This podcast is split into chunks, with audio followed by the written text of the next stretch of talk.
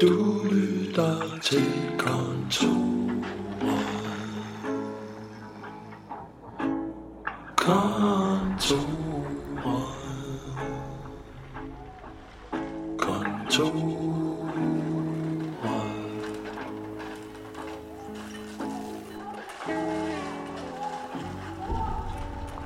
Velkommen til kontorets udsendelse nummer 5, som hedder Rydningen del 2. Det vil sige, at del 1 er allerede ude og ligger på kontorets SoundCloud og iTunes, så hør lige den først, hvis du ikke allerede har hørt den. Det er Adam, der fortæller historien, og vi hopper lige ind, hvor vi slap, altså mursten og støv og barrikademateriale vælter ind i spejlægget. Og så de her to graber igennem hver deres vindueshug.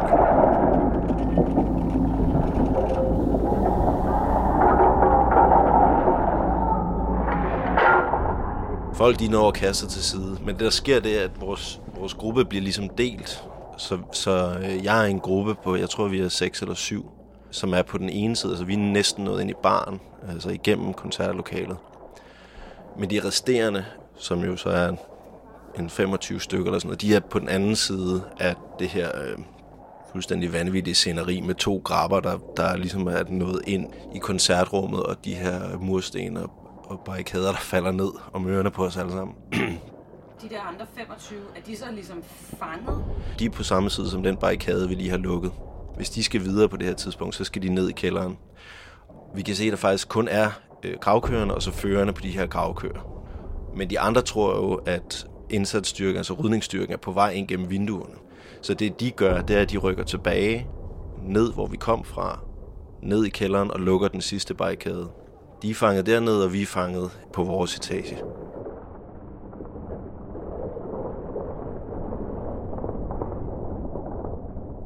Vi kan jo så se, at det kun er de der to gravkører, der faktisk ikke er nogen rydningsstyrke ude i gyden. Men de andre er løbet ned og lukket den sidste barrikade. Så vi løber efter dem, og så øh, banker vi på den sidste barrikade og siger sådan, hey, øh, eller råber og skriger, at der er kun gravkørende, der er ikke nogen rydningsstyrke øh, ude i gyden, så de skal komme op igen, ikke? Men så har vi jo reglen, at når der er en barrikade, der er lukket, så bliver den ikke åbnet igen. Så øh, vi kan godt se, nu er det, nu begynder vores tid at løbe ud meget hurtigt.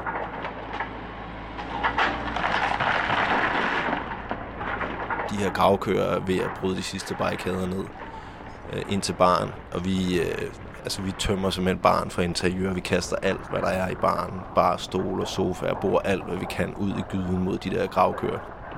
Så lyder der brag, og jeg har aldrig rigtig fundet ud af, hvad der skete der. Altså enten så er der sket det, at de har flået den barrikade, der var på fortrappen, op, eller de har flået hoveddøren til huset op. Men lige pludselig så strømmer der øh, de her indsatsstyrkefolk ind i baren, øh, og der er rigtig mange. Den her dobbeltdør, der kan lukkes ind til spejlægget, der finder vi et bræt og får sådan får lavet den, den usleste barrikade med at skubbe det her bræt ind mellem de to håndtag, man bruger til at åbne døren. Altså, vi ved godt, at vi kun køber os ganske få sekunder med det her bræt. Så vi står der, og der er vi jo så de der, de der syv sidste, og huset er stadig fyldt med gas, og vi har gasmasker på, og det er svært at se, og svært at høre, og der er masse larm, og, og så står vi for den her dør og venter, og ved, at når, når den går op, så er det slut.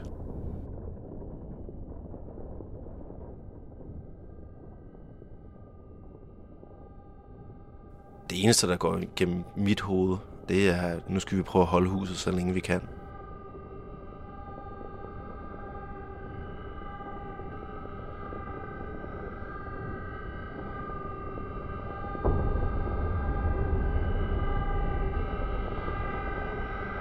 Og så bliver døren slået op eller sparket op. Brættet knækker. Og de her folk fra indsatsstyrken, de vælter imod os med skjolde og vi ved jo godt, at nu, nu slutter det meget hurtigt. Vi ved også godt, at øh, altså, når det kommer til sådan en til en slåskamp, så kommer det til at gå meget stærkt med de her trænede folk fra politiets indsatsstyrke mod en flok maverpunkere. Altså, der er en slåskamp, som var ganske få sekunder. Jeg bliver ramt på min, på min gasmaske. Min gasmasken tager heldigvis det meste af slaget, men jeg er lige ude et splitsekund. Og så vågner jeg op med ansigtet i jorden, og kan se, at min kammerat ved siden af mig er blevet anholdt, og, øhm, og de her indsatsstyrkefolk, de rykker frem. De bagerste af dem har trukne maskinpistoler. De forreste af dem havde skjold og knibler. Til højre der ligger toilettet, og der rykker de sidste af de der indsatsstyrke frem med maskinpistoler. Den sidste af mine kammerater bliver anholdt der. Og så får vi flået vores gasmasker af, hvilket gør det afsindigt svært at se noget og trække vejret. Og, og så der, der slutter vores kamp, kan man sige.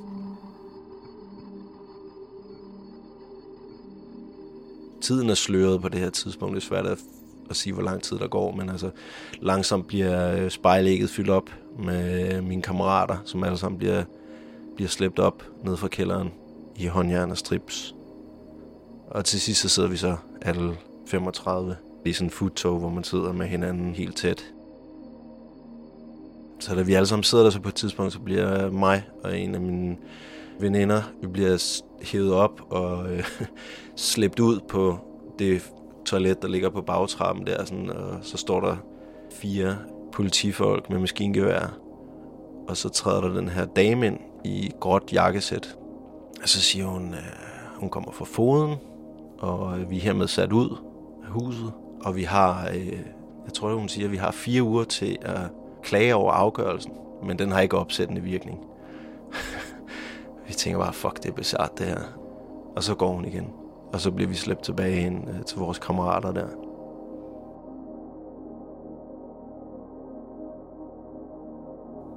Fra Jagtvej, der bliver vi kørt til Bellerhøj politistation og får taget fingeraftryk og DNA, og derfor bliver vi kørt til øh, fængselscellerne inde ved byretten, inde ved Gammeltorv.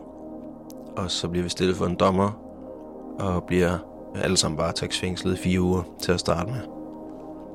Og så derfra kørt til Vestre Fængsel, hvor vi endte med at sidde varetægtsfængslet i tre måneder.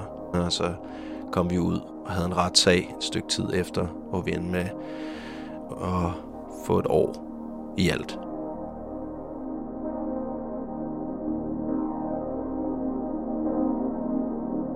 Da vi kom ind i, i Vestre, så var der jo kæmpe demonstrationer på gaderne i København. Og øh, efter det første døgn havde vi øh, tv på, på cellerne, så vi kunne følge med i, hvad der skete. Og de efterfølgende dage kunne vi se huset blive revet ned. Og det var sindssygt trist at sidde i en fængselscelle og se det hus, man holdt så meget af, blive, øh, blive reddet fra hinanden på den der måde. Af nogle maskerede bygningsarbejdere, og så nogle dage efter, de havde reddet, øh, reddet huset ned, så var der et, et opslag i en af aviserne, jeg tror det var BT eller sådan noget, hvor ikke bare var huset væk, men øh, der var ligesom blevet ryddet op, og gavlen til nabobygningen, og hele siden af alle de bygninger, som før var fyldt med farverige graffiti og rigtig, rigtig flot graffiti og alle mulige øh, malerier og tegninger, dem var blevet malet hvid sådan slettet. Som om, at nu skulle vi bare, nu skulle vores historie bare slettes, nu skulle vi fjernes. Og en ting var, at det var forfærdeligt at se huset blive reddet ned. Men at se de der hvide vægge, at se alle malerierne og alt det omkringliggende ligesom blive rettet til med rettelak, det var, det var sindssygt trist at se. Udover det selvfølgelig er dødssygt at sidde i fængsel, og man vidderligt ikke bliver hverken klogere eller bedre menneske af det, så får man en masse tid til... Øh, I mit tilfælde brugte jeg en masse tid på at tegne. Øh, så jeg sad i Horserød og tegnede en tegneserie, som foregår i et København, der er blevet øh, lagt øde, og det eneste, der er tilbage, er bygningerne, og når jeg havde udgang, så, så var jeg så rundt og tage billeder af København og sådan noget. Så, og jeg, i mit hoved, så er den vigtigste, den bygning, der betød allermest for mig i København, var væk. Så på en eller anden måde, så tog jeg jo også en hævn ved at lægge resten af byen i ruiner i tegneserien. Men mens jeg tegnede, og mens jeg, og lavede den her historie om den her ene person, der går igennem et ruinlandskab, som er vores hovedstad, så kunne jeg jo heller ikke lade være med igen at begynde at holde den by, som, jeg, som jeg sad og tegnede min celle.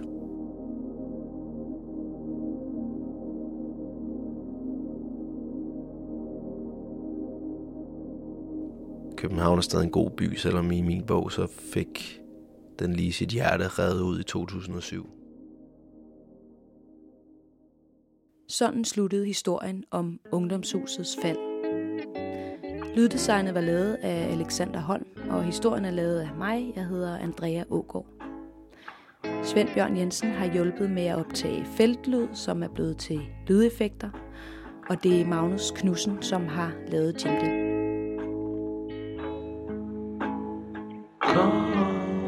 Kontoret.